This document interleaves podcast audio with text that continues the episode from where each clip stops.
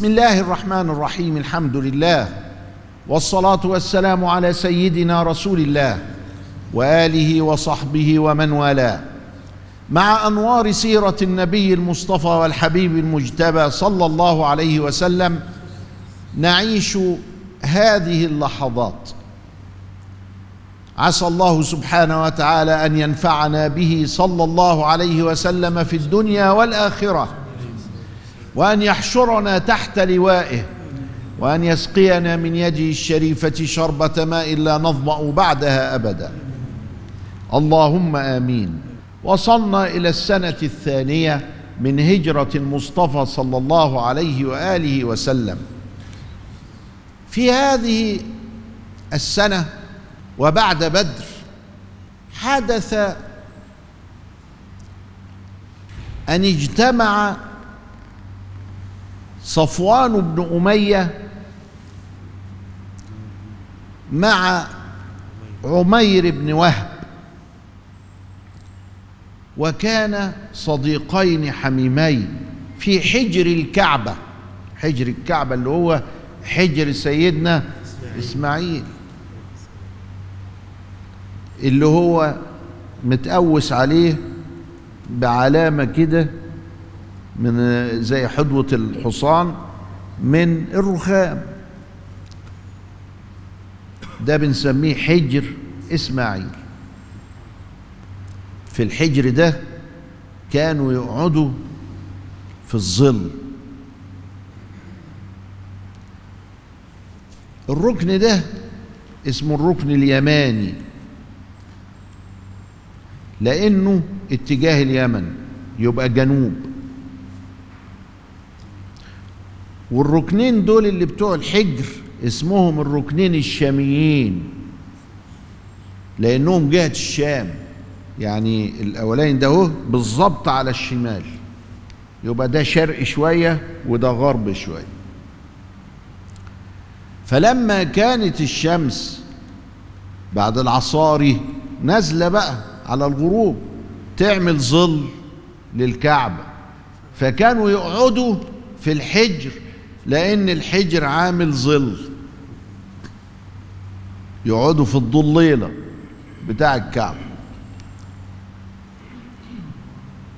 في الحجر. كلمة حجر دي ليها معاني كتيرة في اللغة. من ضمنها حجر سيدنا إسماعيل. ومن ضمنها الحجر بتاع الواحد كده يقول مثلا إن المرأة وضعت ابنها في حجرها. الحجر هنا سمي بالحجر علشان يعني الواد ما يقعش يبقى عامل زي المهد كده. فحجزنا عليه. فلما حجزنا عليه بقى حجر. والحجر العقل عقل الإنسان لأنه يمنعه ويحجره من من فعل ال ال الأخ الخطأ. والحجر الفرس سموه حجر. والحجر الكذب برضه سموه حجر. وهكذا يقول ركبت حجرا وطفت البيت خلف الحجر. أوتيت حجرا عظيما لا أقول الحجر.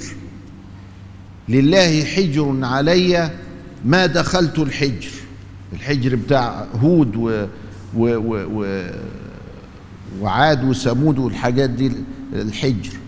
وهكذا. له كذا معنى. صفوان هو وعمير قاعدين يتسهروا بعد العصاري. جايب كلمة بعد العصاري منين؟ من إن الظل في المكان ده بيجي بعد العصر. لأن الصبح أنت جاي من الشرق الحتة دي ضوء كلها شمس. هيبقى الناحية التانية هي اللي فيها ظل لكن الحتة دي عند العصاري بيبقى هي اللي فيها الظل. الحاصل. أنا عايزك وانت بتقرا السيره يعني تشغل فكرك شوية وتشوف هو هي دي إيه إيه- تتصور زي ما يكون الصورة قدامك كده. أحسن حاجة. صفوان بيتسهره مع مين؟ مع عمير ابن آه، وهب. قال له أنا محروق من محمد ده قوي نفسي أموته. قتل الناس بتوعنا الكبار وأضف إلى ذلك إن وهب ابني ابنه اسمه وهب ابن عمير ابن وهب يعني مسميه على اسم أبوه. وهب ابني من أسرى بدر من السبعين اللي اتأثروا في بدر. فأنا كان نفسي أقتله. قال له إيه اللي يمنعك؟ قال له عندي ديون. وخايف إن الديانة يجوا لولادي ويقرفوهم. والعيال مش هتعرف تتصرف. تملي الأب يخاف كده. وعندي عيال. طب ودول هيروحوا فين؟ وكانوا ساعتها لقلة العدد يخلفوا كتير. تلاقي الواحد عنده 11 عنده 18 وهكذا. فعنده ولد كبير وعنده واد لسه بيرضع. واد عنده 20 و30 سنة وواد تاني لسه بيرضع. عوايدهم كده. قال طب وأنا أودي كل الغمقة دي فين؟ صفوان من أغنياء مكة. ومتغاظ قوي من سيدنا النبي حينئذ. فقال له بسيطه يا سيدي دينك اسدده لك فورا دلوقتي. الله ما هو ده صاحبك. ما سددتوش ليه من الأول؟ والعيال العيال في آه، مع أولادي. أربيهم مع أولادي. أبني لهم بيت. قالوا إذا كان كده فاكتم شأني وشأنك. ما تقولش لحد لحسن محمد ياخد خبر. وذهب فشحذ سيفه وسمه. لما تيجي تشحذ السيف يعني تسنه تسن السيف قوم بيطلع شرارة كده قوم الشرارة دي بتسخن السكينة أو السيف أو حتة الحديد اللي أنت بتعملها. يروح يحطوها على النار فتحمر. فلما يحطوها على النار المسام بتاع الحديد بتتفتح. مجهزين هم سم يغمسوا فيه الحديد ويطشوه في السم ده. السم ده بقى كانوا بيجيبوه من الحيات. الحية فيها غدة في السم هم يجيبوه منها. من بعض النباتات البرية السامة اللي عرفوا إنها سامة. فعرفوا خلاص إن الحتة دي سامة هم ما يرعوش فيها ما يودوش فيها الغنم لأن الغنم لما تأكل تموت يعرفوا ان دي سامة والبني آدمين لو كلت من ال- ال- الحاجة السامة دي زي عش الغراب. عش الغراب فيه منه سام. فكانوا يعصروه ويحطوه على السم بتاع التعبان على السم بتاع كذا إلى آخره ويشربوه الإيه؟ السيف. طب لما شربوه السيف السيف ده يعمل إيه؟ يعني مش بيعور ده بيموت. حتى لو كان الإنسان إيه ما فيهش إلا تعويرة كده. يعني لو اتخبط واحد في وشه كده السم يسري في الدم هي خبطة بسيطة ممكن تتعالج. آه هي ممكن تتعالج لكن ده هيموت. هيموت. ما همش عارفين إن الله سبحانه وتعالى قد عصمه من الناس. صلى الله عليه وسلم. ما همش عارفين إيه اللي حصل في بدر. نقول بقية الاتفاق بعد الفاصل.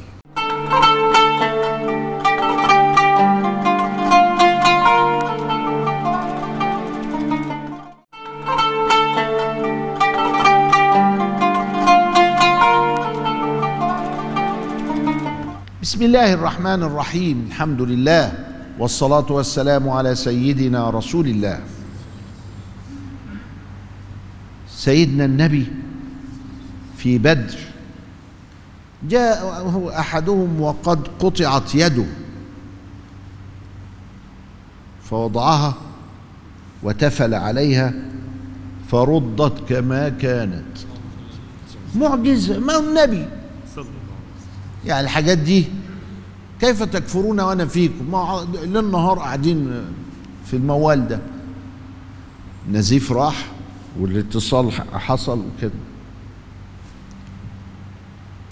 الراجل ده ظل يعيش إلى عهد عثمان اللي هو اتقطعت إيده ده. واحد بيقاتل بالسيف السيف اتكسر وتعب من القتال فجه قال له يا رسول الله اديني سيف تاني. قال له أجيب لك منين سيف تاني؟ إحنا إحنا عندنا سيوف ولا سلاح ولا كذا. خد العكاز ده حتة حطبة كده. قال له توكلنا على الله. شوف شوف الإيمان شوف التصديق شوف العلاقة بينه وبين الرسول. وراح يحارب بالحطبة فإذ بها صارت سيفا. قاتل مع رسول الله به بقية حياته. دي معجزة. معجزة معناها إنها مش مش هينفع تتكرر كده. لكن ده من تأييد الله لرسوله ما هو لازم لازم الراجل ده يعمل حاجة في الكون.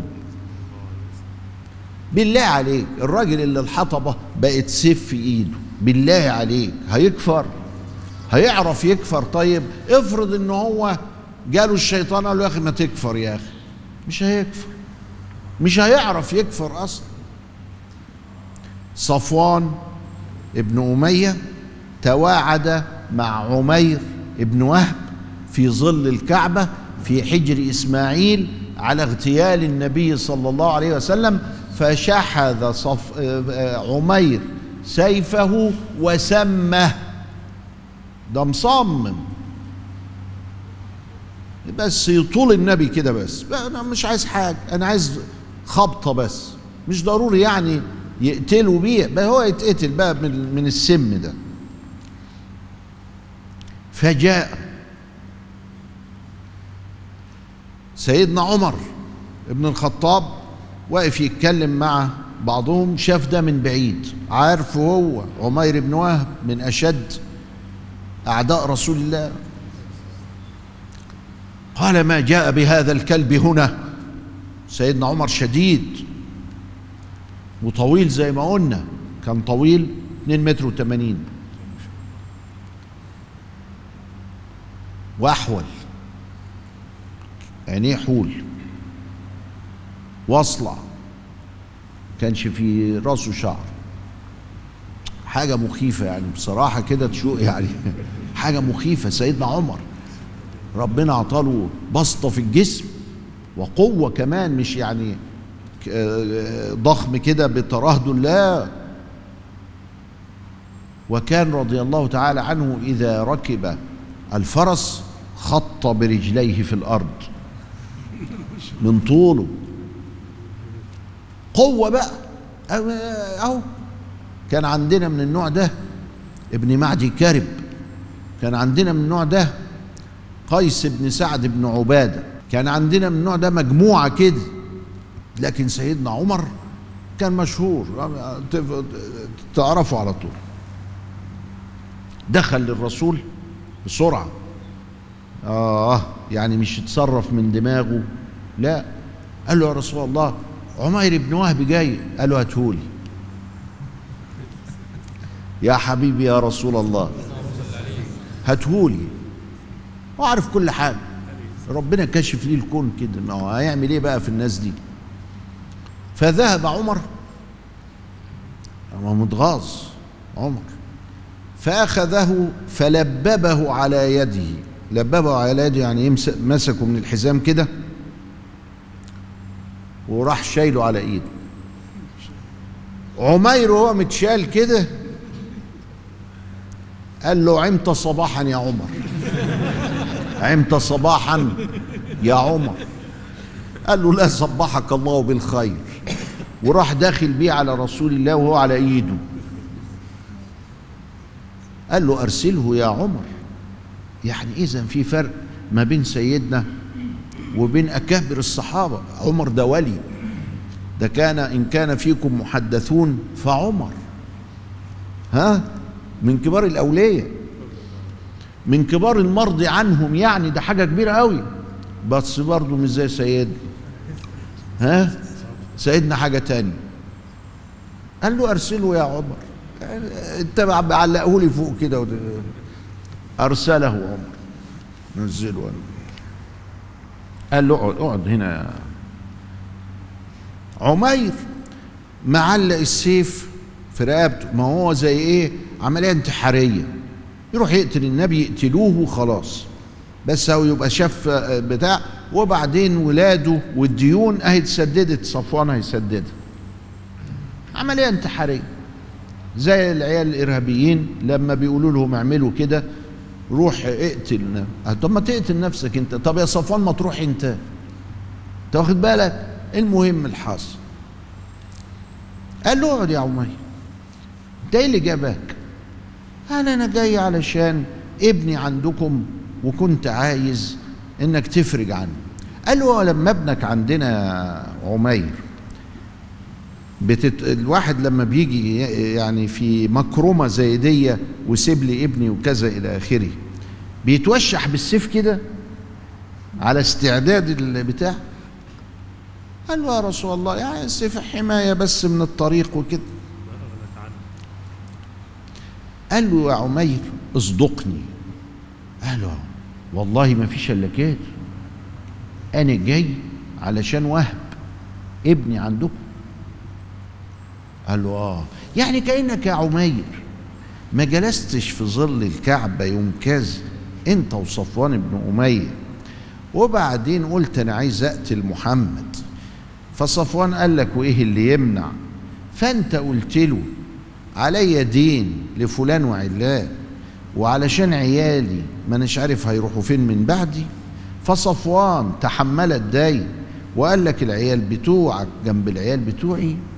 وبعدين انت رحت شحست السلاح بتاعك وسميته بالسم الفلاني. ما حصلش ده يا عمير؟ قال له نعم. والله ما كان أحد معنا.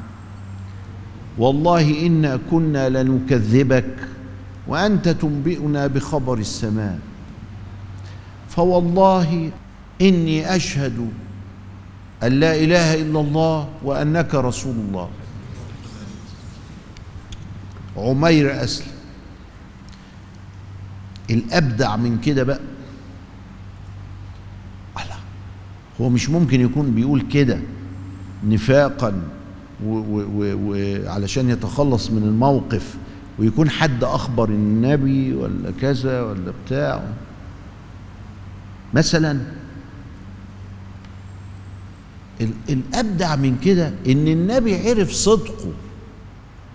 اللي يعرف القلوب مين؟ الله. فالنبي قال للناس اللي واقفة بعيد كده تعالوا يا أولاد. علموا أخاكم القرآن والصلاة وفقهوه في دينه. طب وانت إيش عرفك يا محمد إن الراجل ده صادق؟ الله. اذا سيدنا النبي ده مؤيد من عند الله. ربنا هو اللي قال له. ما خيبتش مرة ما خيبتش أي مرة. إن هو يعرف الصدق كده في ده الراجل ده مؤيد في حركاته وسكناته. وأعطوا له ابنه ردوا عليه وهب من القصر. حاضر. خدوه. وضبوه تمام وقرأوه القرآن وحفظ القرآن. كان عندهم ذاكرة حلوة كويسة. وعلموه الصلاة وعلموه الوضوء وعلموه الذكر وكذا وردوا عليه ابنه. والسلام عليكم. وعليكم السلام. يعني ما قالوش لازم تقعد عندنا. ورجع إلى مكة. واحد رجع لصفوان بسرعة. قال له يا صفوان الحق. ده عمير أسلم. قال يا نهار أسود. عمير أسلم إزاي؟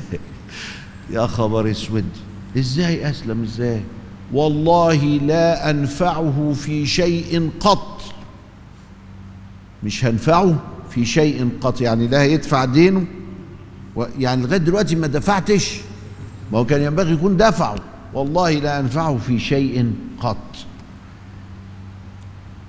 إلى لقاء آخر. أستودعكم الله والسلام عليكم ورحمة الله وبركاته.